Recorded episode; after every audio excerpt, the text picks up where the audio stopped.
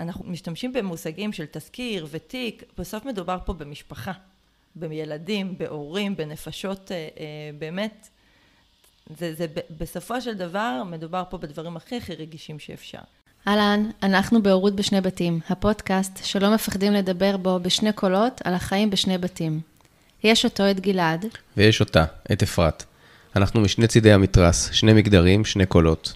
וביחד אנחנו מדברים וגם מתווכחים על האפשרות לחיות זה לצד זו, בשלום, בכבוד ובשלווה, גם אחרי הפרידה. ברוכים הבאים לעוד פרק בפודקאסט שלנו, הורות בשני בתים. והיום נדבר על מה זה אומר שבית משפט שולח אותנו לאוסית לסדרי דין.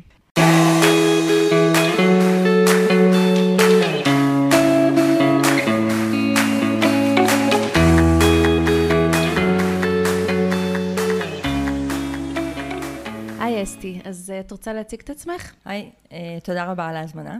אה, אני עובדת סוציאלית, אני במשך הרבה מאוד שנים הייתי עו"ס לסדרי דין, ובכובע הזה אני יושבת היום.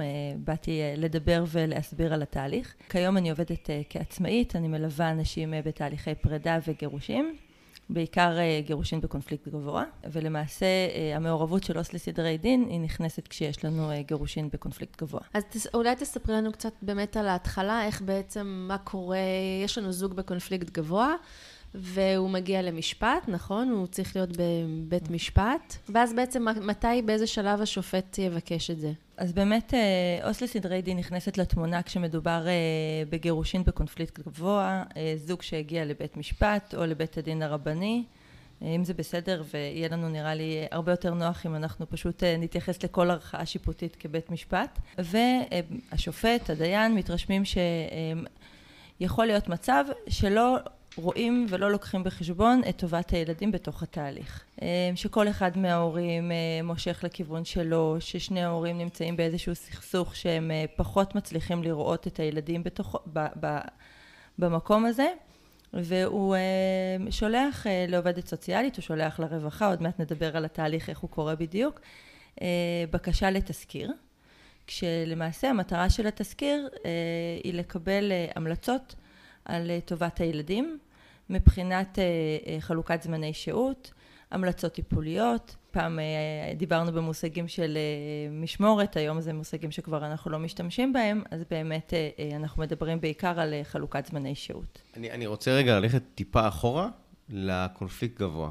בואו רגע נגדיר את הדבר הזה. קונפליקט גבוה זה זוג הורים שלא מצליחים להגיע להבנות משותפות. הבנות משותפות הרבה פעמים זה גם בעניינים כלכליים, אבל זה לא, זה לא הסיבה שאנחנו יושבים פה וזה לא משהו שעו"ס לסדרי דין אה, מתעסקת בו, אבל לפעמים אנחנו אה, רואים את הערבוב של שני הדברים ביחד, את העניין הכלכלי יחד עם המעורבות אה, אה, של הילדים ושל ההורות. באופן עקרוני אבל לסכסוך אה, בקונפליקט גבוה זה שני הורים שלא מצליחים להחליט החלטות משותפות לטובת הילדים שלהם, רבים על כל דבר, בטח ופתח על חלוקת זמני השהות שלהם, אבל אה, אנחנו נראה מריבות על הכל, אנחנו נראה מריבות על אה, קייטנות, על לא שעת הלינה, על אה, סוג התזונה, זה באמת הורים שלפעמים נראה שמחפשים על מה לריב.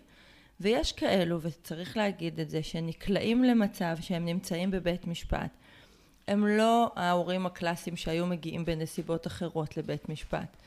והם נקלעו למצב אה, אה, או שבן הזוג הוא כן הטיפוס שלא מסוגל לשחרר את הזוגיות הזאת מכל מיני סיבות כי להמשיך ולנהל מאבק בבית משפט זה סוג של להאחז ולהחזיק בזוגיות ולא להיפרד ממנה, או אה, אנשים שלצערי קיבלו עצות מאוד לא טובות בדרך, אה, מכל מיני אנשים, לאו דווקא עורכי דין, זה יכול להיות אנשים בסביבתם הקרובה, שמאוד מהר תמכו בלפתוח תיק בבית משפט ולהתחיל לנהל מערכת מאבק משפטי שהוא מאוד ארוך, הוא גוזל המון המון אנרגיה והוא מאוד יקר.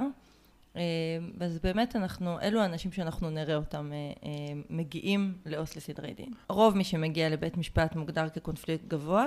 אני יכולה להגיד שקרה לי לעיתים רחוקות שהייתי מקבלת תיק כעו"ס לסדרי דין מבית משפט ומקריאה את הנתונים, אנחנו מקבלים בדרך כלל כתב תביעה, כתב הגנה, לא קוראים את זה כמו שעוד מעט אנחנו ככה קצת נרגיע את המאזינים שלא קוראים את זה בצורה שהם חושבים שקוראים את זה, קוראים את זה בעין ביקורתית, אבל uh, כבר מהדברים אפשר לראות שזה לא היה צריך להגיע לבית משפט, וזה לא תיק לקונפליקט גבוה, וזאת משפחה שאפשר uh, uh, בקלות להרגיע שם את הרוחות. ו- וקצת היה שם טעות, אה, אפילו יכול להיות שאפשר היה לסגור את זה בתוך mm-hmm. דיון, אבל לצערי זה אחוז מאוד קטן מבין mm-hmm. המשפחות שנמצאות בתוך בית משפט. אז בואו נדבר קצת על התהליך, על איך זה, מה בעצם עו"סית לסדרי דין עושה. אז אולי רגע נדבר על איך מגיעים אליה. אוקיי. Okay. כי כשזוג הגיע למצב שכבר uh, הגיע לבית משפט, uh, כבר עבר את השלב של יחידת הסיוע, של uh, המתנה, uh, ניסיון להגיע לגישור, את המתנת הזמן שצריך להמתין כדי אה, לפתוח את תיק הגירושין, והוגשו כבר אה, אה, כתבי התביעה. מהשלב הזה למעשה, צר לי לומר, אבל ההורים איבדו את היכולת להחליט החלטות עבור הילדים שלהם. כי מהרגע שהגענו לשופט, יכול להיות מצב שכל האפשרויות, כל, כל הסמכות ההורית שהייתה מבחינת היכולת לקבל את כל ההחלטות המושכלות והנכונות לנו עבור הילדים שלנו, יכולים לצאת מידינו. הם יצאו מידינו לבית המשפט, וכרגע בית משפט למעשה יכול להעביר את, ה, את הסמכות הזאת הלאה. אני, אני אסביר קצת יותר לעומק עוד מעט מה המשמעות של להעביר הלאה, אבל בדרך כלל כשיגיע תיק, כשיגיע מקרה עם uh, כתב תביעה שיתאר את הפגיעה בילדים ואת החוסר יכולת של הצד השני לתפקד כהורה, השופט או שיזמן את הדיון הראשון, או לפעמים אפילו לפני הדיון הראשון, יפנה את המקרה לעו"ס לסדרי דין. וכשהוא מפנה את המקרה לעו"ס לסדרי דין, הוא למעשה מבקש תזכיר סדרי דין, כשבתזכיר הזה הוא מבקש מהעו"סית להגדיר מה טובת הילדים במקרה הזה. זאת אומרת, מעבר ללהסתכל על ההורות ועל הסכסוך, הוא מבקש בסופו של דבר את ההבנה הכי הכי בסיסית וברורה, מה הילדים צריכים פה. אה, ועו"ס לסדרי דין אה, בהכשרתה מחונכת להסתכל מה זה טובת הילדים. אה, זה, זה הדבר הראשון שהיא אמורה וצריכה לראות בכל התהליך. התזכיר תמיד יקרה, יהיה, יתבצע במועצה המקומית או בעירייה ש, של העיר שבה גרים הילדים. זאת אומרת שאם יש לנו הורה אחד שגר באילת, ההורה השני גר בירושלים, אבל הילדים גרים בירושלים, אז התזכיר הוא יתבצע בירושלים. ולמעשה מהרגע שעו"ס לסדרי דין מקבלת את הבקשה לתזכיר, היא קודם כל, אני חייבת להגיד, מסתכלת וקוראת, זה לא, היא לא ישר לוקחת את הבקשה ושמה את זה בסדר אה, אה, הכרונולוגי של הבקשות שהגיעו וזה נכנס להמתנה, אלא קודם כל היא תבדוק מה הבקשה. אם יש בקשה שבה אה, מצוין בצורה ברורה שיש נתק של הילדים מאחד ההורים, מיד התזכיר הזה יקבל קדימות. כי הדבר הראשון שאנחנו יודעים וברור לכולנו כאנשי טיפול, כאנשי מקצוע, זה שנתק גורם לקשיים, נתק זה דבר שהוא מאוד מאוד לא חיובי עבור אף אחד מהצדדים והוא מאוד פוגע בילדים. אז היום כשיהיה כתוב ניכור הורי, יחפשו מה כתוב מעבר, מה זה המושג הזה ניכור הורי, זה לא מה שירשים ויגרום לזה שהתזכיר יקודם בתור. אני, אני מתייחסת לעניין התור כי לצערי יש מחסור מאוד גדול באוסיות לסדרי דין, אני אומרת גם אוסיות כי רוב העובדים הסוציאליים זה עובדות סוציאליות ורוב האוסים זה אוסיות ובגלל זה יש המתנות מאוד ארוכות, כשאני אומרת ארוכות זה יכול להיות גם שנה. וואו. זה, זה וואו גדול, כי זאת משפחה שנמצאת בקונפליקט בתוך בעירה. אבל אם אנחנו מדברים על טובת הילדים, זה כשלעצמו, זה ממש לא טובת הילדים. קודם כל נכון, וזה מה שיש למערכת לתת. אני יכולה להגיד שבמקרים ספורים שהיו לי, ההמתנה עשתה טוב. כי בסופו של דבר, לא הייתה להורים ברירה, והם הבינו שאו שהם מתפשרים, או שהילד לא הולך לחוג מקרמה ולא לחוג בלט. והם התפשרו. הורים שהם... הבינו עם הזמן של להמשיך להתנהל ככה, אולי גם אם הם לא הבינו את זה באמת מבפנים, בחיים הם לא יכלו להמשיך להתנהל איך שהם התנהלו עד, עד, עד לרגע שה, שהמקרה הגיע לבית משפט. אי אפשר היה להמשיך ולנהל חיים בקונפליקט כל כך גבוה, ולפעמים מצאו את הדרך לעשות משהו טוב. לרוב המתנה זה לא דבר חיובי במשפחות עם קונפליקט כל כך גבוה. נכון, זה המון, זה המון זמן, אה, זה המון זמן לסבל של הילדים, של לחיות באווירה שהיא כל כך טעונה וקונפליקט כזה, זה ממש קשה. זה קשה וצריך לקחת בחשבון שכשנכנסים לבית משפט, אני לא יודעת מה הממוצע של תיק משפחה בבית משפט מבחינת הזמן שלו מהרגע שפותחים ועד הרגע שסוגרים. אני כבר ראיתי תיקים של 6, 7, 8 שנים. אני יכולה להגיד שהייתי עו"ס לסדרי דין. אני טיפלתי בתיקים שאני פשוט לא האמנתי שאני שוב מקבלת תזכיר משלים ועוד תזכיר משלים על אותה משפחה שהיא כבר עברה הכל, הילד כבר, באמת, אני הרגשתי שעוד רגע אני אגייס אותו. זה תיקים שהם מלכתחילה תיקים שיכולים להתנהל הרבה מאוד שנים. בואי רגע נמשיך, דיברת על אני, את מקבלת בעצם את הכתבי טענות, עוברת עליהם, בודקת אה, אה, מה, מה דורש קדימות, ו, ו, ובואי נמשיך משם. אוקיי, okay. אז uh, תודה שאתה מחזיר אותנו כל פעם, אני מפליגה. הדבר הבא זה שמזמינים את שני ההורים לפגישה משותפת. אני אסביר קצת על המבנה הכללי. בתוך תהליך עו"ס לסדרי דין, יש פגישה משותפת לשני ההורים. אני אגב אומרת שיש אה, פרוטוקול, זאת אומרת יש אה, דרך פעולה ברורה וקבועה. זה לא שעו"ס לסדרי דין יכולה להחליט לעשות או לא לעשות משהו, ואם היא החליטה לא לעשות משהו אז היא צריכה לנמק ולהסביר למה שיקול דעתה היה כזה או אחר באותו אה, אה, תזכיר שהיא ערכה.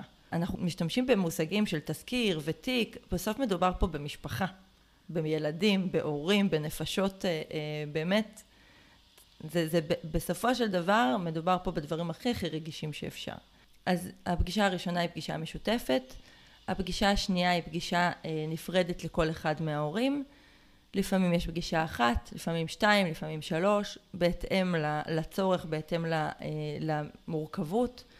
אה, לפעמים זה גם בהתאם לבקשה של אה, ההורים ולנכונות עו"ס לסדרי דין אה, לאפשר יותר ויותר מפגשים. בכל תזכיר יהיה ביקור בית בשני הבתים. העובדת הסוציאלית מגיעה לבית בזמן שההורה נמצא עם הילדים ובפגישה הזאת היא גם חווה את האינטראקציה בין, ה, בין הילדים לבין ההורה. היא מסתכלת שהתנאים מתאימים לגידול הילדים בבית. היא לא מחפשת בית מפואר, היא מחפשת בית מותאם לילדים. אם אנחנו מדברים על ילדים שהם קצת יותר גדולים, שהם כבר יכולים לדבר, שאנחנו מתרשמים שהמקרה דורש שיח איתם, אז עו"ס לסדרי דין, או שתדבר איתם לבד בבית. אה, יכול להיות מצב שהיא תזמין אה, אותם אליה למשרד. אה, במקרים מסוימים אני מאוד אהבתי ללכת לבית ספר, כי בית ספר זה מקום ניטרלי, זה מקום שלא שייך לא לאימא ולא לאבא, אין את המריבה, ו- ואתם תתפלאו, אבל גם על זה אפשר לריב. על איפה העובדת סוציאלית פוגשת את הילדים? אה, מי יביא את הילדים okay. אוקיי. לעובדת הסוציאלית? כי אם אבא יביא, אז כל הדרך הוא יגיד להם כמה אימא גרועה, mm. ויזכיר להם שבשבת הם עשו, מה זה כיף איתו. ואם אימא תביא, אז היא תגיד על אבא ככה וככה וככה בדרך, וזה מאוד ישפיע על הילדים. גם על זה אפשר לריב, ו- וללכת לבית ספר, יש בזה משהו שהוא קצת יותר נקי, עד כמה שאפשר, כי באמת אנחנו צריכים לזכור שילדים, הם מביאים מהחוויות האחרונות שלהם. אמ, אז לפעמים אנחנו לא נשמע את הדברים כמו שהיינו שומעים אותם אם הם היו עכשיו מגיעים עם אימא או מגיעים עם אבא. אה, ומצד שני מצופה מהעובדת הסוציאלית קצת לנקות את רעשי הרקע ולשמוע את מה שהיא צריכה לשמוע. אבל מאיזה גיל את יכולה, את פוגשת בעצם ילדים? מאיזה גיל אה, אפשר כבר לדבר איתם? זה מאוד תלוי מה רוצים לשמוע מהילדים. אם יש מתבגרים, ניפגש איתם ונשמע אותם, כי זה ילדים שהם כבר רוצים להשמיע את, את קולם. זה מאוד תלוי מה הסוגיה, אנחנו צריכים להבין שעו"ס לסדרי דין היא מקבלת המון סוגים של פניות. אנחנו מדברים לא רק על, על חלוקת זמני שהות, אנחנו יכולים לקבל פניות מאוד מאוד מגוונות, שינוי שם משפחה, שינוי שם לפעמים פרטי, אבל לרוב לא. אפשר לקבל כמובן פניות אה, של אפוטרופסות בלעדית, של הורה מבקש אפוטרופסות בלעדית כי ההורה השני לא מעורב. אה, יכול להיות מצב של אה, קבלת המלצות לגבי מסגרת לימודית לילדים. הורה אחד שהוא פתאום הפך להורה, שינה את, הד... לא שינה, אלא הפך לדתי או לחילוני, ומבקשים איזושהי הבנה יותר רחבה לגבי טובת הילד מבחינת מסגרת לימודית. היום יש לנו המון רילוקיישן, הורים שמבקשים לנסוע, לטוס עם הילדים שלהם, לאפשר להם לעבוד בחו"ל, איך זה ישפיע על הקשר של הילדים עם ההורה השני. מעברים של דירות, כשיש לנו כמעט 50 אחוז גירושין, יש לנו גם המון פרק ב'. הורים שאומרים, החברה שלי גרה מאוד רחוק ממני, אני מבקש לגור קרוב אליה, אבל אני לא רוצה לאבד את הקשר עם הילדים. אין ספור אפשרויות. אני, אני חושבת שאין תפקיד יותר מגוון מעו"ס לסדרי דין מבחינת הדברים שמקבלים, הבקשות מבית משפט. אה, ומכיוון שעו"ס לסדרי דין מוגדרת כזרוע ארוכה של בית משפט, אז היא תקבל את רוב הדברים שהשופט יתמודד איתם במהלך הזמן אה, שהוא שופט. מה שעולה לי מאוד חזק ממה שאת אומרת, זה שבעצם בשלב מסוים אנחנו נותנים לבן אדם זר, עו"סית לסדרי דין, להתבונן על ההורות שלנו אה, במבט, אה, אני לא אגיד ביקורתי, אבל אה, היא ככה בוחנת, היא, היא בוחנת את הסיטואציה, היא בוחנת אותנו כהורים, כאנשים, אה, אה, אם אנחנו מסוגלים להיות הורים, יש בזה משהו קצת, לא יודעת אם להגיד לא נעים, אבל קצת ככה מכווץ, כי נגיד זוג נשוי, ש... שיהיה להם את אותם דילמות, אה, חוגים, בית ספר כזה, לא יגיע, סביר להניח, למישהי שתבחן אותו בצורה כזאת. נכון, נכון, זו סיטואציה מאוד לא נוחה. קודם כל, כל סיטואציה שנמצאים בבדיקה ובמבחן היא סיטואציה שמכניסה את ההורים למקום לא נוח. אותנו כאנשים למקום לא נוח. וזאת סיטואציה שפתאום איזה משהו תמים שכתבת לפני שנתיים כוואטסאפ, הוא הופך להיות מרכז העניינים, ש, שבאמת, כאילו דברים נורא, הכי אותנטיים בהורות שלנו, בחיים שלנו, הם, הם הופכים להיות למבחן. כל מילה שאנחנו מוציאים מהפה, פתאום יש לה פרשנויות. זה מאוד מכווץ, יש אנשים שהם מתפקדים מאוד לא טוב בתוך זה, שהם לא מצליחים להביע את עצמם בצורה באמת טובה בתוך הסיטואציה הזאת. יש אנשים שהם סופר דופר טובים בתוך כזה דבר, שמבחינתם זה, הם נותנים שם את השואו הכי טוב שהם יכולים לתת, שהוא מאוד רחוק מהמציאות. באמת, זאת סיטואציה שהיא מאוד יכולה להיחוות כסיטואציה מאוד מאוד לא נעימה. מאוד מפחידה. אני, אני אגיד, אותי שוב זה, כי בשיחה המקדימה דיברנו על זה, ואותי שוב זה מכווץ במקום האישי שלי. שיתפתי קצת ב... ב שדיברנו לפני כן, יואב שלי, שהוא עוד רגע בן שש, ביולוגית הוא לא שלי. עד היום לא אימצתי אותו, הוא, אני אבא שלו, הוא קורא לי אבא, אנחנו מתנהלים בבית בצורה הזו. אין אבא אחר. זאת אומרת, זה אני אבא, אבל בשלב שהתחלנו לדבר, כשהתחלנו לדבר על זה, על האפשרות של אימוץ, אני מאוד התכווצתי מהמחשבה שמישהו חיצוני נכנס אליי הביתה ובודק את היכולת שלי, האם אני מתאים ועונה על הקריטריונים של אימוץ, אז אני, זה שונה לגמרי, הסיטואציה היא שונה לגמרי, כי, כי זה בא ממקום מיטיב וממקום טוב פה וממקום של הסכמה והכל בסדר, אבל אני נורא מתחבר למקום של אה, אדם ש, שעובדת סוציאלית סדרי דין נכנסת אליו הביתה, או פוגשת אותו בכל מקום אחר, בעיניי, סיטואציה מאוד מפחידה. סיטואציה מאוד מאוד מפחידה. אני, אני אתן דוגמה מאתמול. הגיעה אליי אה, בחורה מקסימה, כל מי שמגיע אליי מקסים, והיא אה, אמרה, היא, היא ככה סיפרה לי, היא לקראת פגישה עם עו"ס לסדרי דין, הפגישה המשותפת הראשונה שהיא מאוד בלחץ ממנה, כי גם לשבת ביחד באותו חדר זה מורכב מאוד, והיא אמרה לי, אבל אה, תראי, יש ילד עם צרכים מיוחדים, ואני נורא צעקתי על העובדת הסוציאלית ברווחה שאחראית על הילדים עם הצרכים המיוחדים כי הם אחראים על המעון של הילד וכשבאתי לקחת את הילד ותיארה איך אה, אה, באמת דברים שלא היו צריכים לקרות. אומרת לי, ועכשיו זה יהיה לרעתי. עכשיו, מדובר פה באימא שדאגה לילד שלה שלא מסוגל לבטא את הצרכים שלו, כי כשהיא באה לקחת אותו, אז היא ראתה שהוא היה מטופל מאוד מאוד לא טוב באותו יום. והיא עשתה את הדבר שמצופה ממנה לעשות כאימא. אולי לא לצעוק, אבל כן לדאוג לילד שלה. ועכשיו, כשהיא הולכת ומגיעה לתזכיר סדרי דין, היא פתאום מפחדת שהעובד, שהעו"ס לסדרי דין תלך לדבר עם הקולגה שלה ברווחה, ותשמע איזה אימא אה, אה, תוקפנית היא, ואיך היא דיברה, ומה היא אמרה, כשבאמת, בסיטואציה אחרת, היא יכלה אולי לטפוח לעצמה על השכם ולהגיד, וואלה, אני לילד שלי אעשה הכל, גם אם זה דורש ממני. אה, להיות תוקפנית, מה שאני בדרך כלל לא. הפגישה הזו שדיברת עליה כרגע, אה, היא בעצם הכנה של גבר או אישה אה, לפגישה עם, עובד, עם העובדת סוציאלית לסדרי נכון, דין. נכון, נכון. אוקיי, אז, אז זאת אומרת, יש יכולת להתכונן לפגישות האלה. אני, אני אולי אגיד יותר מזה. כשלי היו כמה סיבות שבגללם החלטתי שאני יוצאת לדרך עצמאית ועוזבת את מערכת הרווחה. אבל כשהייתי בתוך uh, uh, המערכת ואני הייתי עו"ס לסדרי דין, אז הרגשתי כמה דברים, אנחנו נתייחס אליהם uh, uh, לאט לאט, אבל אחד מהם היה שאני חלק מהקונפליקט, כי עוד מעט אני אסביר איך נראה התזכיר ומה קורה בסופו. ולפעמים יותר נוח להיות חלק מהפתרון, ואני חושבת שזה יותר נכון. ודבר שני, זה שהבנתי שאנשים מגיעים מאוד לא מוכנים לתהליך הזה.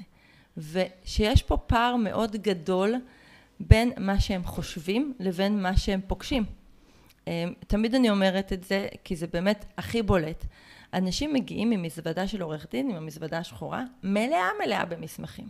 עכשיו זה באמת כאילו, כאשת מקצוע אני מסתכלת על זה בהערכה, יש לך פגישה מאוד משמעותית, אתה מתכונן אליה, מכין את כל המסמכים, שם אותם מסודר, סדר כרונולוגי. אתם צריכים להבין שאנשים מנהלים כאילו, הם הוציאו עכשיו, באמת, אני, אני לא יודעת מאיפה הם הוציאו את כל מה שהם הוציאו, יש להם פה מערכת ראיות למשפט פלילי ארוך. ועם כל זה הם מגיעים לפקידת הסעד. אני, אני יכולה להגיד שהם היו מגיעים אליי, אני הייתי יושבת מכווצת. אני חושבת שאת מה שהם הרגישו, אני הרגשתי באותו רגע. אני יודעת שאני לא יכולה להיענות לצורך שלהם כרגע. הצורך שלהם זה להראות לי עכשיו את המסמכים מההתחלה ועד הסוף. אני יודעת שהפגישה שלנו היא שעה וחצי אם אני לארג'ית, הם רוצים להראות את הכל. עכשיו, הבקשה, הצורך של הפקידת סעד מבחינת המידע, הוא לא תואם את מה שנמצא שם בתוך המזוודה. היא לא, היא לא מבקשת את המידע הזה, היא מבקשת מידע מאוד מאוד שונה. וכל פעם אמרתי לעצמי, מישהו היה אומר להם, מה הם צריכים להביא? מה הם צריכים להגיד? איך הם צריכים להגיד? מה מעניין את הבן אדם שיושב מולם? אז התסכול המאוד גדול שהם פוגשים כבר בכניסה לחדר היה, היה מאוד מאוד יורד. והעוינות שהם היו מרגישים כלפי מי שיושב מולם, ואי אפשר לשבת מול מישהו שמרגיש כלפיך עוינות ולהרגיש עליו רגשות מאוד חיוביים ורק חיוביים, העוינות הייתה מאוד יורדת, והקשר מלכתחילה היה קשר שונה. הפער בין מה שאנשים חושבים שהם יפגשו ש... למה שהם פוגשים הוא, הוא שוב מאוד מאוד גדול. לדעתי לעשות הכנה לתזכיר זה אה, משהו שאי אפשר בלעדיו, שלא נכון לעשות את התהליך בלי להבין למה נכנסים, מה מצופה ממני להגיד, מה לא להגיד, ואיך להגיד את הדברים. אבל מה בעצם, בואי קודם כל ניתן איזה טיפ למאזינים, את בטח לא, לא יכולה לעשות פה שיחת הכנה, אבל איך, מה בעצם הצורך של האוסית? זאת אומרת, מה, okay. מה אוקיי. הצורך הבסיסי שלה? בסופו של דבר הצורך של האוסית יהיה להגדיר מה טובת הילדים. כשהיא צריכה להגדיר מה טובת הילדים, חוץ מלשמוע מהילדים ולשמוע משני ההורים, היא אה, גם פוגשת, אה, אה, לא פוגשת, סליחה, מדברת עם המסגרות החינוכיות של הילדים, ואם יש עוד אנשי טיפול שמעורבים במשפחה, אז היא תדבר גם איתם. היא צריכה לאסוף את מקסימום המידע כדי לבחון מה טובת הילדים. עכשיו, אם הורה מגיע, ומאוד חשוב לו בתוך הפגישה להוכיח ולהראות שהאימא של הילדים בגדה בו, והיא זאתי שבגללה אה, אה, פירקו את המשפחה והוא מביא תמונות מבגד ים בתאילנד ועם מישהו שהיא נמצאת איתו ביוון. זה לא רלוונטי לעו"ס לסדרי דין. זה לא בוחן מבחינתה מה טובת הילדים. אם אותו בן אדם אומר תראי היא, היא אומרת שהיא נמצאת עם הילדים אבל בסופו של דבר מי שנמצא עם הילדים זאת לא האימא שלהם, אלא נמצאת, נמצאת איתם הסבתא תמיד, נמצא, נמצאת איתם בייביסיטר. פה אנחנו כבר מדברים על דברים שהם יכולים להצביע על ההורות, על הקשר של, היל... של כל אחד מההורים עם הילדים. כשאנחנו מחפשים אה, בתוך תזכירים, אם זה תזכיר פרטי ואם זה תזכיר עו"ס לסדרי דין, להבין את ההורות, לא להבין את הקונפליקט. הקונפליקט הוא חלק אחד. אז מה שאת אומרת לי בעצם, מה שעולה לי כרגע זה שגם דיברת על זה מקודם, שבעצם הורה שיודע איך נקרא לזה, לשווק את עצמו טוב, או להביא את, ה, את מה שצריך, להביא את החומר שצריך, הוא זה שירוויח. לאו דווקא זה מה שקורה במציאות. זאת אומרת, הוא בעצם עכשיו, אם הוא יעשה שיחת הכנה וילמד מה צריך להגיד, זה לא בהכרח יכול להיות המציאות. הוא ילמד מה צריך להגיד, אז הוא יכול לתחמן את המערכת, ובסוף זה לא לטובת הילדים. קודם כל, תמיד אפשר לתחמן את המערכת, תמיד אפשר לתחמן את עו"ס לסדרי דין, תמיד, באמת, זה, זה, זה נכון באופן כללי. לגמרי. אבל אם בן אדם מגיע והוא מדבר נורא יפה, אבל כששואלים אותו שאלות אז הש... התשובות הן כבר לא תואמות את המציאות. אם בן אדם אה, לדוגמה מספר על כמה הוא מעורב בחיים של הילדים וכמה הוא חלק מההורות שלהם וכשאנחנו שואלים אוקיי אז בוא רגע תספר לנו מתי הילד הולך לישון? הייתה לי, לא מזמן היה לי תזכיר אה, אה, פרטי, שני הורים מעורבים והם בסך הכל הורים בסדר אבל, אבל הרגשתי שמשהו שם הוא לא עד הסוף. אני שואלת את האימא, מדובר שם בילדה בת שנה. מתי הילדה הולכת לישון? והיא אומרת לי בתשע וחצי עשר. זה קצת מוזר שילדה בגיל כזה הולכת לישון בכזאת שעה.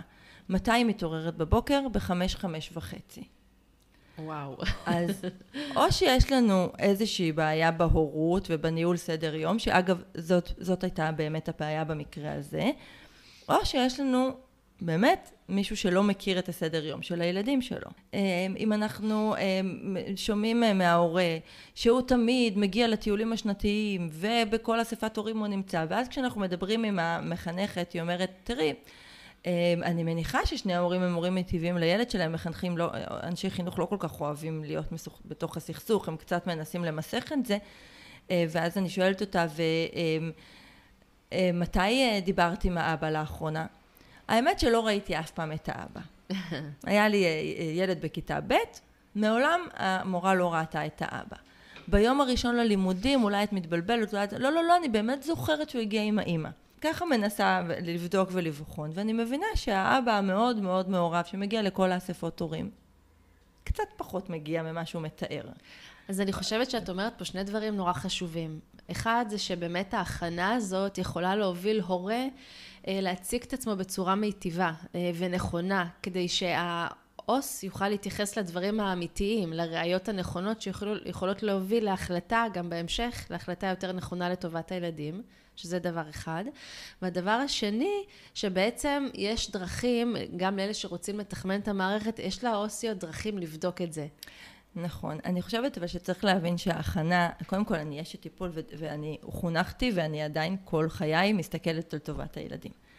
אז כשיגיע אליי הורה ויתאר לי את ההורות שלו ויגיד אני רוצה להיות משהו שהוא מאוד מאוד רחוק מההורות שלו אז אני אגיד לו בוא רגע בוא, בוא נעשה רגע הפסקה בוא נבדוק רגע למה ההורות שלך עד היום נראית כמו שהיא נראית? מה היכולות? מה נכון לילדים שלך ברגע זה?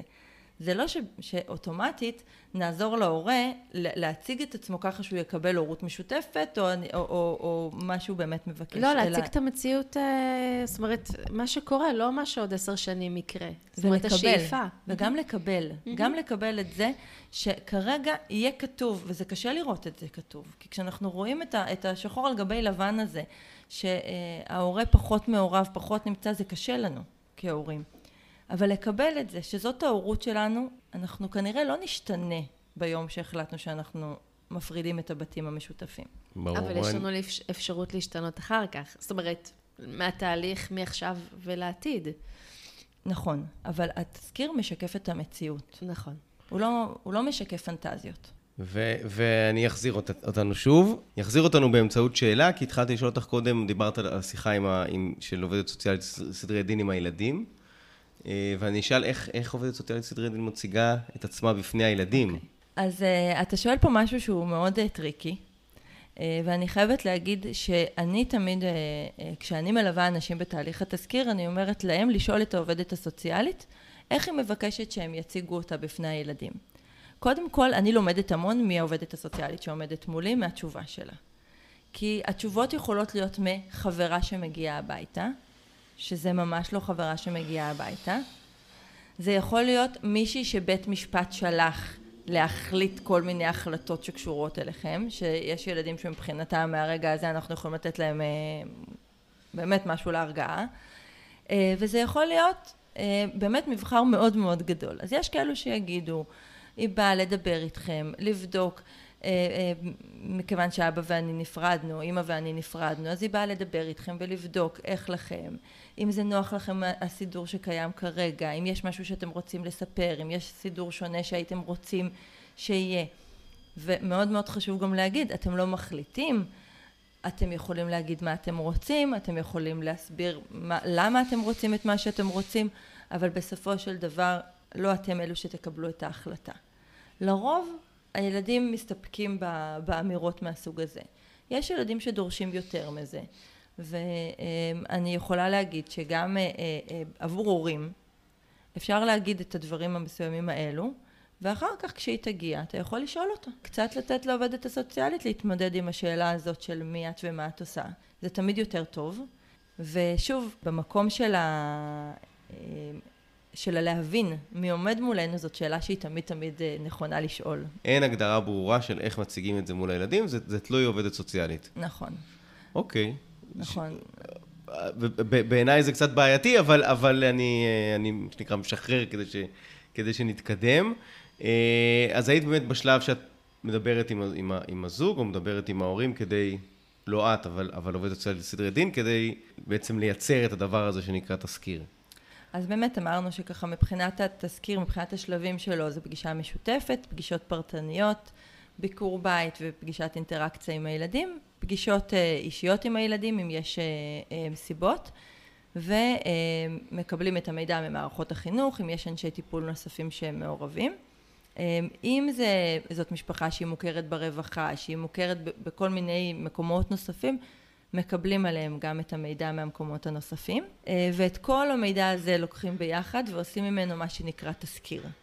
תזכיר למעשה זאת, אגב, את מבנה התזכיר גם אפשר לראות, זאת אומרת המבנה הוא מבנה קבוע, ואני ממליצה לאנשים שלפני שהם מגיעים לתהליך, שיוציאו, יסתכלו איך נראה תזכיר, מה המבנה של התזכיר, אה, זה, זה מאוד פשוט וזה מאוד כדאי. למעשה התזכיר אה, הוא בתמציתיות ועד כמה שאפשר מרוכז בילדים. אה, מכריח את העובדת הסוציאלית לכתוב את המידע הרלוונטי ביותר שמתרכז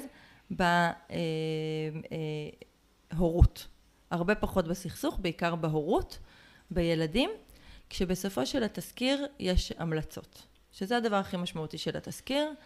הרבה מאוד מהשופטים ידלגו עד לעמוד הזה בלי לקרוא את כל ההתחלה אה, ובהמלצות אה, יש למעשה כיום שלוש חלופות חלופה אחת, מה ההורים אומרים על החלופה הזאת, מה העובדת הסוציאלית אומרת עליה. חלופה שנייה, שוב, מה ההורים אומרים, מה העובדת הסוציאלית. חלופה שלישית, לא תמיד כי המציאות באמת מאפשרת שלוש חלופות, אלא כי אלה הנהלים. ואחת מהחלופות האלה היא החלופה שהעובדת הסוציאלית ממליצה עליה. ובסיכום שלה היא כותבת גם למה היא ממליצה עליה. כשהסיכום שלה כמובן צריך להתבסס על כל הדברים שהיא אמרה עד עכשיו, כל הדברים שכתובים בתחילת התזכיר, הקשר של הילד עם כל אחד מההורים, הקשר בין האחים, אמ, מסתכלים על היכולת של כל אחד מההורים להכיל את ההורות של ההורה השני, שזה דבר, פרמטר מאוד משמעותי. אה, היכולת של כל אחד מההורים להפריד בין הסכסוך לבין החיים, אה, אה, בין, בין הסכסוך לבין ההורות.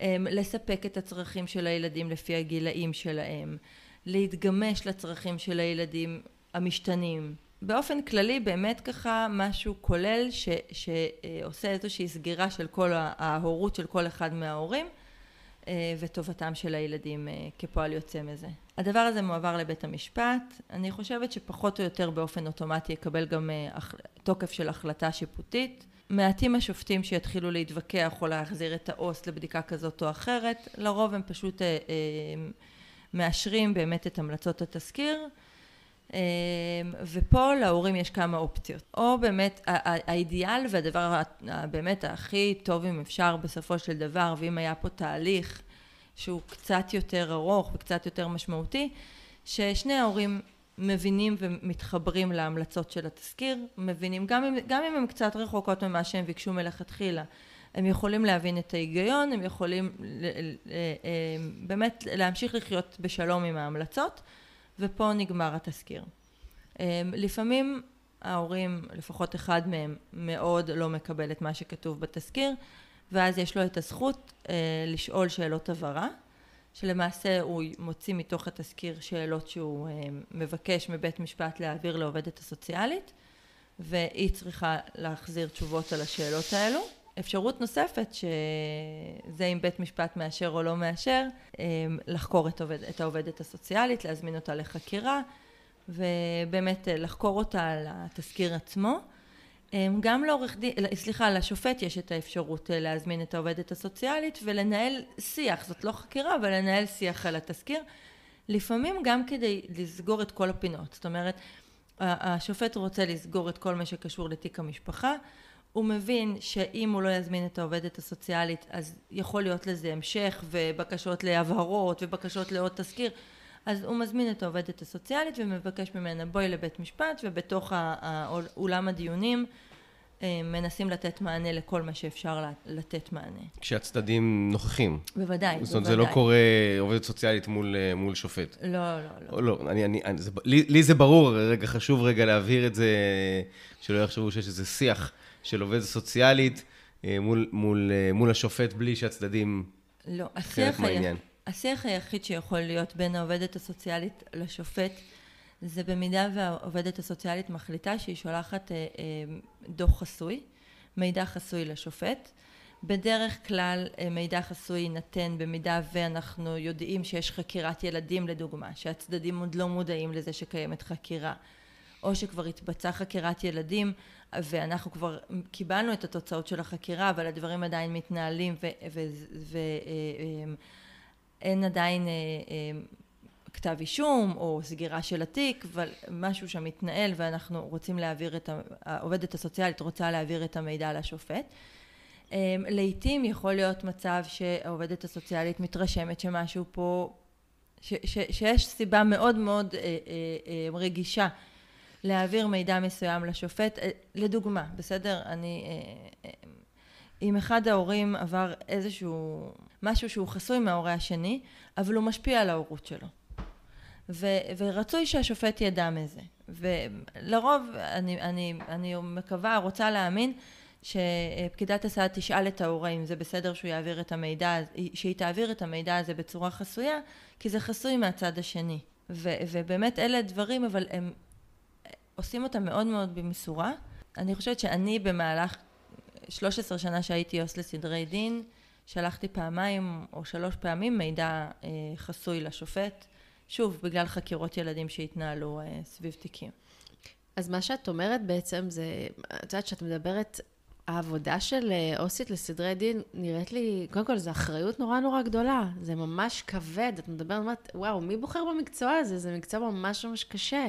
כי אתה בעצם חורץ גורלות של, באיזשהו אופן, כי בסוף השופט מקשיב ל... אה, יש, ביד, יש בידיים של העו"סים אה, המון המון כוח. זה מאוד מאוד נכון, מאוד מאוד נכון. אה, עו"ס לסדרי דין, אני, אני לא חושבת, אני יודעת שזה אה, אחד הדברים הכי משמעותיים בתוך תהליך הגירושין. עכשיו, זה נורא מתסכל, כי עורך דין, שהוא מאוד משמעותי לך, אתה עושה סקר שוק, שואל את כל החברים שלך, בודק, הולך לפגישות ייעוץ, ו... אה, באמת, אתה עושה המון המון כדי לקחת את העורך דין שיתאים לך. בדרך כלל, כשאנחנו לוקחים אנשי מקצוע, אנחנו בוחרים אותם. את העו"ס לסדרי דין לא בוחרים, מקבלים. אמ, עו"ס לסדרי דין היא חורצת גורלות, חד משמעית. היא, מה שהיא מעבירה, את המסרים שהיא מעבירה לבית משפט, את המידע, אה, את ה, אה, בוודאי את ההמלצות שלה, הם, הם מסתכלים עליהם בבית משפט כ, כתורה מסיני. Mm. ומאוד קשה לעשות שינוי במקום הזה. וואו. אמ, זה, זה, זה בתפקיד שהוא מאוד מאוד רגיש, הוא עם המון המון אחריות והוא חורץ גורלות, חד משמעית. אני, אני אגיד, אני שמח שאני לא שם, אבל אני אסביר מה, למה אני אומר את זה, כי אצלי, כשהצדדים מגיעים אליי לגישור, כשזוג מגיע אליי לגישור, אז הרבה פעמים מנסים לשכנע אותי. ואז אני מזכיר להם שאני לשמחתי לא שופט, ובמקרה הזה לא עובד סוציאלי לסדרי דין, ואין לי אפילו סמכות להחליט. אה, והתפקיד שלי זה לעזור להם להגיע להסכמות, אז אני במקום הזה קצת שמח שאני, אין לי, את, אין לי את הסמכות הזו אפילו לכתוב או להגיד מה דעתי, דעתי לא רלוונטית, אני יכול להגיד להם, אני יכול להציע להם אפשרויות אחרות, אם זה ב, ב, בדיון על זמני שהות נגיד של איך מחלקים, או אפילו על מתי, אם יש צד שמחזיר במוצאי שבת, אז הרבה פעמים יש דיון על באיזה שעה מחזירים במוצאי שבת, אם זה שש או שמונה בערב, אז okay. רגע להחזיק את החדר על הדבר הזה ולהבין רגע מה המשמעות של השעתיים האלה, בוודאי כשאנחנו מדברים אה, לאורך זמן, ואז גם מתי אפשר לעשות שינויים, אז יש בי איזו שמחה שאני לא במקום הזה שצריך ל... ל, ל כמעט, אני לא חושב שאת כופה, כי, כי בסוף יש שופט שמכריע, אבל, אבל אה, את כן, את, יש, את, את, את, זה, זה באמת אחריות נורא נורא אה, כבדה. וזה רגע שם אותי ב, ב, במקום של... אה, כי אני קורא המון ביקורת, והרשתות מלאה, הרשת מלאה בביקורות על אה, עובד, עובדים סוציאליים לסדרי דין, אה, וגם פסקי דין שכן ראיתי פה ושם אה, שופטים שלא קיבלו, או אפילו ביקרו החלטות או המלצות של, עובדות סוציאליות. איפה את מול הביקורת הזו? אני קודם כל אגיד, אני חושבת שזה תפקיד מאוד קשה, עם המון המון אחריות. לא מתוגמל בשום צורה שהיא. זה תפקיד מרכזי, זה תפקיד שהולך הביתה, שהולכים איתו הביתה, שמתחבטים איתו, זה, זה באמת תפקיד מאוד מאוד משמעותי. אני מעריכה את מי שלוקחת על עצמה את זה, את מי שמצליחה לעשות את זה לאורך זמן. זה שוחק, זה קשה, זה, זה קודם כל ניתן את הקרדיט שצריך לתת. לגמרי. ו- וצריך. לצערי, כמו בכל דבר, יש אנשי מקצוע טובים יותר ואנשי מקצוע טובים פחות. ויש אנשי מקצוע שעושים עבודה, יש תזכירים גם שאנשים שמגיעים אליי היום בפרספקטיבה של זמן, כשאני נמצאת בקליניקה פרטית, אנשים מגיעים אליי עם תזכירים להתמוגג, באמת, תזכירים יפים. שלקחו בחשבון את כל הגורמים, שמניחים את כל, את כל האפשרויות, באמת דברים שאני מאוד מאוד מעריכה אותם כאשת מקצוע. ולפעמים מקבלים תזכיר שבין ההמלצות לבין גוף התזכיר אין קשר. זה כאילו מדובר פה בשתי משפחות שונות לחלוטין.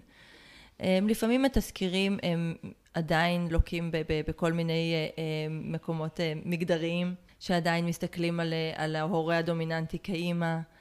לפעמים יש תזכירים שהם מדי מתקדמים, והם יוצאים מתוך נקודת הנחה שאנחנו עושים פה שבע שבע ולא משנה בכלל שיש הורה אחד שכל היום טס לחו"ל ולא נמצא בכלל בבית. זה, זה לגמרי אה, אה, תלוי בן אדם שעושה את התזכיר. שוב, זה, זה תמיד נכון, זה נכון גם בבדיקות מסוגלות הורית, זה, זה נכון תמיד. כשמדובר בעו"ס לסדרי דין, באמת שהתפקיד שלה הוא כל כך משמעותי, וכמישהי שיצאה מהמקום הזה, אז יש לי עוד יותר ביקורת על זה. אמ, אני חושבת שזה גם חלק מה, מהנסיבות של המערכת, הדבר הנכון יותר היה לעשות את זה כתהליך יותר ארוך, כתהליך יותר מכיל, יותר מאפשר לכל אחד מההורים להתפשר או להבין את המקום שבו הוא נמצא, או להבין את המקום שממנו הוא מגיב. אבל כשצריך להגיש תזכיר תוך שלושה חודשים, וקיבלת אותו דקה לפני שאת צריכה להגיש אותו, וכבר ביקשת מבית משפט הערכה, ויש דיון, ואת יודעת שכולם כל כך בלחץ, או שקיבלת באוגוסט תזכיר איפה הילד ילמד בראשון לספטמבר, אז את לא יכול, אין זמן לעשות את כל התהליך הזה. אני יכולה להגיד שאחד הדברים שלי מאוד מציקים בכל התהליך של עו"ס לסדרי דין, שזאת אה, אה, מערכת סגורה שאין לה ביקורת חיצונית. ובעיניי זה לא תקין. אוקיי, אז בואי באמת נדבר על ועדות... אה, רגע, לפני זה אני, אני רוצה רגע עוד פעם להתעכב שנייה על, ה, על, על ההמלצות שנתת, אה, שלא שאת נתת, שעובדת עו"סית לסדרי דין נותנת, היא נותנת לפעמים המלצות להדרכות הורים. אם אנחנו רואים שיש הורה שלא מסוגל, או נראה לי שלקבוע שהורה לא מסוגל, מסוגלות זה מאוד מאוד קשה. זאת אומרת, זה לא משהו ש... אנחנו נעשה אותו לעיתים תכופות, לא? רוב ההורים הם הורים שמסוגלים לגדל את הילדים שלהם לפחות חלק מהזמן, לפחות לחלק מהשעות. Mm-hmm. יש הורים שיותר נכון להם לנהל אה, אה, הורות שהיא אה, רק של כמה שעות אחר הצהריים ואז ההורות שלהם תהיה במיטבה. יש הורים שמסוגלים להיות עם הילדים שלהם בחינוך ביתי. כל... אז, אז, אבל, אבל נגיד, נגיד, ניקח את הדוגמה שנתת, נגיד הורה שיהיה טוב לו באמת לראות כמה שעות את הילד ויהיה קשר והקשר יהיה יציב ואוהב, אבל הוא לא יכול להיות איתו הרבה, אוקיי? אבל הוא מתעקש להיות איתו בהורות, באחריות הורית שווה או דורש דורש להיות הרבה יותר ממה שהוא מסוגל. אז מה עושים, נגיד, מה, מה היכולות שלנו להתמודד עם זה? קודם כל, אני מקווה שבמקרה כזה עו"ס לסדרי דין באמת תמליץ שהוא יהיה עם הילד יותר פעמים בשבוע, פחות שעות. אני מאוד uh, uh, מקווה uh, uh, שההמלצות ישקפו את היכולות ההוריות של שני ההורים. אם יש לנו הורה uh, שההורות שלו יכולה להיות טובה יותר, שיש התרשמות שיש פה אמ, כל מיני קשיים שקשורות, שקשורים ל... ל אמ, לא ליכולת הבסיסית שלו כהורה, אלא לתגובות שלו, אה, לתגובות שלו אל מול ההורה השני. אנחנו צריכים להבין שנכנסים לתוך מערכת שהיא מאוד מאוד שונה בתוך הגירושים, כי כבר כשאנחנו מגיבים, התגובות שלנו הן צריכות להיות גם באופן יחסי להורה שלא נמצא איתנו בבית, שיכול להיות שהוא אמר כבר משהו לילד שסותר את מה שאנחנו היינו אומרים לילד. הרבה, הרבה גורמים נוספים נכנסים לתוך, אה, לתוך אה, אה, אה, הורות שכזאת. אה, במקרה כזה, ובהרבה מאוד מקרים נוספים, אה, תהיה המלצה ל- ללכת אה, להדרכת הורים. זה המלצה או חובה? אפשר לחייב הורה ללכת להדרכת הורים? זה מאוד בעייתי, כי אוקיי, נחייב הורה ללכת להדרכת הורים, והוא יגיע למדריך הורים ויגיד לו, לא יודע מה רוצים ממני, הכל מעולה. אמ, אני נתקלת בזמן האחרון ביותר ויותר הורים שמתקשרים אליי ואומרים הופנינו על ידי בית משפט, שזו מילה שכבר הרבה מטפלים לא מוכנים לקבל את האנשים. הופנינו על ידי בית משפט זה מין קוד כזה אל תקבל אותי אמ, כי יודעים שאחר כך צריך לשלוח דוחות לבית משפט אפשר להיות מוזמנים לבית משפט נכון. נשלחתי להדרכת הורים אני אומרת, אוקיי, וההורה השני? גם הוא נשלח להדרכת הורים. בשני מקומות שונים? כן. אומרת, אוקיי, אז אתה תבוא ואתה תגיד את, את מה שבעיניך באמת מאוד כדאי שיעבדו עליו בהדרכת הורים, או שלא, שאתה לא רואה, אמ, וההורה השני ילך למקום אחר ויעלה דברים אחרים. אין לזה הרבה אפקטיביות. אנחנו, ברור לנו שאם שני ההורים היו יושבים באותו חדר ביחד, או אצל אותו מדריך הורים, אה, אה, לא ביחד. אפשר היה לעשות שם עבודה הרבה הרבה יותר עמוקה. אז שוב, העניין הזה של לשלוח להדרכת הורים, זה מאוד מוגבל, מאוד בעייתי. אני עדיין אבל חושבת במקרה שנתת שעדיף, עדיף, זה עדיף מכלום. נכון. זאת אומרת, אם זה, זה כמו לטפל בילד כשההורים לא רוצים להיות מעורבים. עדיין עדיף שהוא יגיע לטיפול, למרות שהאפקט שלו יהיה הרבה פחות חזק, כי זה עדיף מכלום. אני חושב שבכלל, קודם אמרת ש... כל העבודה של עובדת אה, סוציאלית לסדרי דין, אם הייתה, אחד, פחות, אם היה פחות תור, שתיים, אם היה, הייתה יכולת לעשות תהליך אולי אפילו יותר טיפולי, שמעתי אותך אומרת גם? לגמרי. תהליך שהוא יותר טיפולי, שהוא יותר משמעותי, ולא טוב מהר מהר כי צריך להגיש את הדוח, וטוב מהר מהר כי יש אה, אירוע כמו תחילת בית ספר, או משהו שמאפשר תהליך עמוק יותר, אז היה אה, טיפול מיטיב, מיטיב יותר עם רוב הזוגות לפחות. נכון, כי בסופו של דבר, כשעו"ס לסדרי דין צריכה לשלוח המלצות, היא הופכת להיות חלק מהקונפליקט. כל אחד צריך להביא את הראיות הכי מהירות וטובות כדי לשכנע אותה למה הוא הורה יותר טוב. כל הורה צריך להראות לה איך ההורה השני הוא הורה לא טוב. והיא נכנסת פה לתוך, מתערבבת בתוך הקונפליקט. והיא גם נעשית סוג של שופט, כי להגיד הורה אחד באמת הוא הורה יותר מיטיב, או הוא, הילדים צריכים לבלות איתו יותר זמן, או הוא סתם אומר שההורה השני הוא לא הורה אה, מספיק טוב, אבל הילדים יכולים לבלות זמן שווה אצל שני ההורים. כל אמירה שלה זאת אמירה של, של שופט לצורך העניין. זאת אמירה שיש לה משמעות בהיבט הקונפליקט.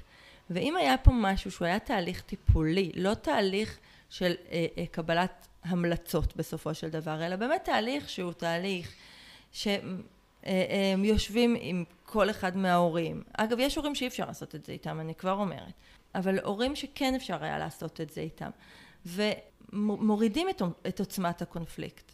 והרבה יכולים להוריד את עוצמת הקונפליקט. זה לא קל, זה תהליך טיפולי, זה מה שאנחנו עושים בתוך הקליניקות הפרטיות בדיוק. שלנו. הבעיה שזה לא קסם, זה לא אינסטנט, זה גם לא חודש וגם חודשיים, זה לוקח קצת יותר, לא ברור. לא קצת, יותר לא. זמן, אבל... אבל יש לזה תוצאות לחיים, lifetime, זה priceless. נכון. אמ, אני יכולה להגיד שככה, אני עם הזמן, כשהייתי עו"ס לסדרי דין יותר ויותר ותיקה, אז הייתי אומרת, כותבת לבית משפט, אנחנו נמצאים בתהליך, המשפחה הולכת כרגע לטיפול, אנחנו, אני מבקשת להגיש תזכיר אה, משלים, שולחת משהו ראשוני, שההמלצות הן רק שהם ייכנסו לדוגמה למרכז טיפולי, ואנחנו אה, נגיש תזכיר משלים בעוד חצי שנה, או בהתאם להתקדמות התהליך הטיפולי. והדברים האלו הם עושים עבודה מאוד מאוד טובה. הבעיה היא שאז כעו"ס לסדרי דין פשוט אפשר לקרוס, כי. אף פעם תיקים לא נגמרים. כל מי שיכול להימנע מלהגיע לעו"ס לסדרי דין, הוא צריך להימנע מלעשות את זה. לא כי עו"ס לסדרי דין בטוח תחשוב שהוא האבא או האימא הלא טובים, אלא כי כהורים אנחנו צריכים להחליט החלטות על הילדים שלנו. אמ, אנחנו גם רואים את זה הרבה פעמים בתזכירים, תהיה המלצה ללכת לתיאום מורי. ובתור מישהי שיושבת בתיאום ההורי ומאוד מאוד מאוד מעריכה ומאוהבת בשיטה, כשההורים מגיעים לתיאום מורי, הם אחרי שלוש שנים שעו"ס לסדרי דין קבעה הכל על הילדים שלהם, מלמדים אותם עכשיו לקחת אחריות ולקבל בעצמם את ההחלטות לגבי הילדים שלהם. זה כאילו לגמרי אנחנו אה, אה, הכחדנו את היכולת של ההורים לקבל החלטות לגבי הילדים שלהם, אנחנו אה, גרמנו להם להרגיש מאוד מאוד מתוסכלים בתוך תהליך מאוד קשה ומורכב רגשית, ועכשיו אנחנו אומרים אוקיי, בואו נלמד לקבל בחזרה אה, אה, החלטות משותפות. ואם היינו עושים את התהליך הזה הרבה לפני, אז היינו יכולים להימנע. שוב, לא כולם יכולים להימנע, אבל כל מי שצריך, שיכול להימנע, צריך להימנע. אבל בכלל, את אומרת פה, אנחנו אה, מעבירים איזה מסר כל הזמן, שבוא נתחיל בגישור, בוא נתחיל בתיאום, בוא נתחיל בדברים הקלים כביכול, אבל אה, הדברים האלה שנעשה, או נתחיל בהדרכת הורים, נתחיל בכל הדברים האלה, אז הסיכוי שנגיע אולי לבית משפט יהיה יותר נמוך. לגמרי, לגמרי. יש מקרים שהם היו, הם היו בדרך, הם כבר כמעט, כמעט היו שם, והם לא הגיעו. אמ, דברים שהם מאוד מאוד מורכבים, ושבאמת יכל להיות שם אה, אה, קטסטרופה מבחינת הילדים ומבחינת ההורים, תהליך ארוך וכואב, וכשעשו את התהליכים נכון, אה, כשניסו עוד משהו, כשהלכו לעוד איש מקצוע שהתחבר יותר, התחבר פחות, סמכותי יותר וסמכותי פחות, איש מקצוע שמסוגל להחזיק קונפליקט בתוך חדר, לא כולם יכולים. לפעמים התקרה עולה, אש, מה זה להבות שורפים? זה, זה גיהנום. לגמרי. זה גיהנום ובאים גם פעם הבאה. נכון. והפעם הבאה הזאת היא פתאום, וואו, קורים דברים טובים, ו- ומחליטים החלטות נכונות, ומקבלים את, את, באמת את האחריות ההורית, זה מה שההורה צריך. זה, לתת את זה למישהו אחר, זה, זה, זה לא ייאמן, זה לא, לא נתפס. אני, אני חוזר על זה כל הזמן לזוגות שמתלבטים בגישור, אם לפוצץ, לא לפוצץ, אם להמשיך או לא להמשיך. זו החלטה שלכם, אבל קחו בחשבון שאתם מוציאים את השליטה מהידיים ש, שלכם לגורם חיצוני, בין אם זה שופט, בין אם זה עובד סוציאלי לסדרי דין, זה בכלל לא משנה, אבל השליטה יוצאת מהידיים שלכם, נגיד כמעט לחלוטין, אולי באיזשהו שלב אתם יכולים uh, לעצור את זה. אבל אני רוצה להגיד אני... שגם כלכלית, גם אם תיקח מטפל, מתאם ומגשר, עדיין לא הגעת לשכר טרחה של עורך דין שהולך לייצג אותך בבית משפט. צריך להבין שהשכר טרחה של העורך דין, על לפתוח את התיק זאת ההתחלה של ההתחלה. לא דיברנו על דיון הוכחות, לא דיברנו על להתחיל עם כל ה... זה, זה לא להאמין כמה התעסקויות משפטיות יש. על ערעורים. על המשמעות של ערעור, על להיסחב להיות בית משפט ולחזור חזרה ל... לערכאה הראשונה. לגמרי. בואי נדבר רגע על ועדות, כי זה, זה חשוב. אז ועדת תזכירים זאת אה, ועדה שמתכנסת כשיש אה, לעו"ס לסדרי דין חוסר בהירות. היא לא לגמרי מבינה, והיא לא יכולה להגיד בצורה מוחלטת מה היא חושבת. זאת אומרת, קשה לה לקבל את ההמלצות לגבי משפחה מסוימת. אה, היא מרגישה שהיא לפעמים מתבלבלת, לפעמים המקרה הוא מקרה יותר מורכב, כשיש לנו אמ, מחלות נפש, כל מיני דברים שהם אה, מאוד נכנסים ומשפיעים.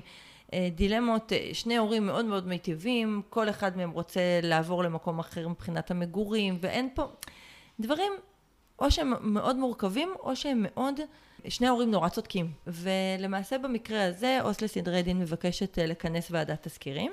ועדת תזכירים, סליחה, זאת ועדה שנמצאת בה עו"ס מחוזית. מביאים תמיד אה, מישהו חיצוני, או אה, מישהו שהוא לא מסתכל, איש טיפול שהוא לא מסתכל בעיניים של עובדת סוציאלית. כי עובדים סוציאליים חונכו בצורה מסוימת, ואנשי טיפול אחרים חונכו בצורה אחרת. אה, לפעמים פסיכיאטר, לפעמים פסיכולוג ילדים, לפעמים זה יכול להיות מישהו שהוא מומחה לניכור הורי, מישהו שהוא מתעסק ב... באמת, כאילו, זה יכול להיות קשת מאוד רחבה של אנשים, ש... המקצוע שלהם, אה, הם לא חלק מהמערכת. שבאמת הם באים להסתכל הסתכלות חיצונית. שני ההורים מוזמנים לוועדת התזכירים, לפעמים יש עוד אה, אנשים רלוונטיים שמשתתפים, זה יכול להיות עוד עובדת סוציאלית משמעותית ברווחה, אם יש, אם המשפחה נמצאת בתהליך טיפולי אז זה איש טיפול שמלווה אותם, אה, עושים שיקול דעת לגבי כל ועדה. ובוועדה הזאת יש אה, להורים את האפשרות אה, להציג את, ה, את עצמם, להגיד מה הם חושבים ולמה הם חושבים את מה שהם חושבים. אה, העו"ס לסדרי דין מציגה את המקרה. כשההורים לא נמצאים בחדר, עושים איזושהי חשיבה משותפת לגבי ההמלצות על המשפחה. אמ, לפעמים הוועדה היא אחת מבין הרבה ועדות שיהיו בעתיד, זאת אומרת מחליטים אה, שכרגע נכון ככה וככה, נבחן את הדברים שוב בעוד כמה חודשים, נתכנס שוב. באמת זה, זה מאוד תלוי באנשים, באנשי הטיפול שיושבים בוועדה. הוועדה יוצאת עם, עם המלצות ברורות. אנחנו צריכים להבין קודם כל, אם כבר אנחנו מדברים על הביקורת שדיברנו מקודם, לוועדה אין פרוטוקול. ועדה מאוד משמעותית בלי פרוטוקול. כן? מאוד אה, לקוי בעיניי. אז בעצם אף אחד לא יודע שיש קולות אחרים. זאת אומרת, ברגע שהתזכיר הגיע לבית משפט, הוא לא יודע מה הלך שם. ההורים לא יודעים מה הלך שם, כל הדיון מתנהל כשההורים מחוץ לחדר. זה לא, אני, וואו, זה, זה מפעיל אותי ברמות, לא ברמות ביקורת, ברמות כמה אה, שליטה. נכון. אנחנו, אנחנו, אנשים, נותנים אה, לגורם חיצוני, זר. שלא מכיר, גם אם הוא בדק, וגם אם הוא קיבל מידע, וגם אם הוא אסף מידע, וגם אם הוא דיבר עם כל העולם ואחותו, עדיין לא מכיר אותי, או את הזוג, ואת המשפחה, ואת הילדים, ואת המשפחה הרחבה. ואת, אגב, גם לא את, ה, את הילדות של ההורים, ממה הם מופעלים, ומה היה, ומה קרה, ומה הרקע, באופן מלא ושלם, ונותנים להם שליטה על, על, על החיים. זה, ואין לדבר הזה שום, אה, שום תיעוד ושום אה, זה, זה, זה, וואו. נכון, אין פרוטוקול, יש בסוף הוועדה, כותבים את ההמלצות, יש ככה איזה גם דף מאוד מובנה על איך, כאילו לסיכום הוועדה. זאת יכולה להיות ועדה של שלוש שעות, היא מסוכמת בשני עמודים. אה, מי המשתתפים בוועדה, דברים עיקריים, ככה נושאים עיקריים שדנו בהם, את ההמלצות של הוועדה. וההורים חותמים. במידה וההורים מרגישים שהוועדה מאוד לא משקפת, ההמלצות שלה מאוד לא משקפות את מה שהם רוצים, אז הם לא מוכרחים לחתום. אבל ההמלצות יועברו לבית משפט, וצריך להבין שהמלצות מוועדת תזכירים, אם כבר, אם לעובדת הסוציאלית יש כוח, אז לוועדות התזכירים יש, אני, אני לא יודעת איך לקרוא לכוח הזה בכלל, כי זאת ועדה שהחליטה עם עו"ס מחוזית, עם פקידת סעד, עם, עם, עם, זאת ועדה שכבר באמת ההמלצות שלה הן מאוד מאוד משמעותיות בבית משפט. אני חושבת אם יש משהו שאני יוצאת מפה היום, מעבר לעצב גדול, זה עושה לי ממש עצוב. זאת אומרת, כי בסוף ההורים הם אלה שהביאו את עצמם לתהליך הזה. יש המון מקרים שיש ברירה. שיש נכון. ברירה שיכל להיות אחרת, שאם שנייה נעצור וננסה לחשוב אה, חשיבה אחרת ולא נפעל מתוך הכעס, אז המצב יהיה אחר. אני, אני, אני רוצה להגיד שני דברים בעניין הזה. קודם כל, שלפעמים תזכירים עושים דברים טובים, לפעמים הם מאוד מרגיעים, לפעמים הם עושים טוב למשפחות, ואז זה, זה לא תמיד משהו שהוא לא נעים, לפעמים זה באמת תהליך שהוא היה נכון למשפחה, וסידר מאוד את כל ה, ה, מה שהיה צריך לסדר שם. הוא עשה סדר לפחות טכני, שאחר כך הוא אה, מאוד משפיע על המקום הרגשי של כולם. אני לגמרי מצטרפת לזה שצריך לעשות את הכל, את הכל כדי לא להגיע לבית משפט, לא להגיע לסדרי דין. אתם ההורים, קחו אחריות עם כל הקושי, אחריות אישית, אחריות משותפת, אחריות כהורה. ותימנעו מלהעצים את הקונפליקט. אז אני חושב שעם זה בהחלט אפשר לסיים. אנחנו כן נזכיר למאזינים שאחד, אה, אה, תעקבו אחרינו, אנחנו בקהילה ש, שבפייסבוק, שם אנחנו מפרסמים את, ה, את הפרקים, וגם בכל הפלטפורמות שאפשר להאזין. תעשו subscribe, תשתפו את, ה, את הפרק הזה, את הפודקאסט, את כל הפרקים האחרים. כדי, כדי שבאמת יגיע לעוד אנשים שאתם חושבים שזה נותן להם uh, ערך, uh, ואנחנו uh, ניפרד. ותודה רבה שבאת אלינו, אסתי. תודה על ההזמנה. אז ניפגש בפרק הבא.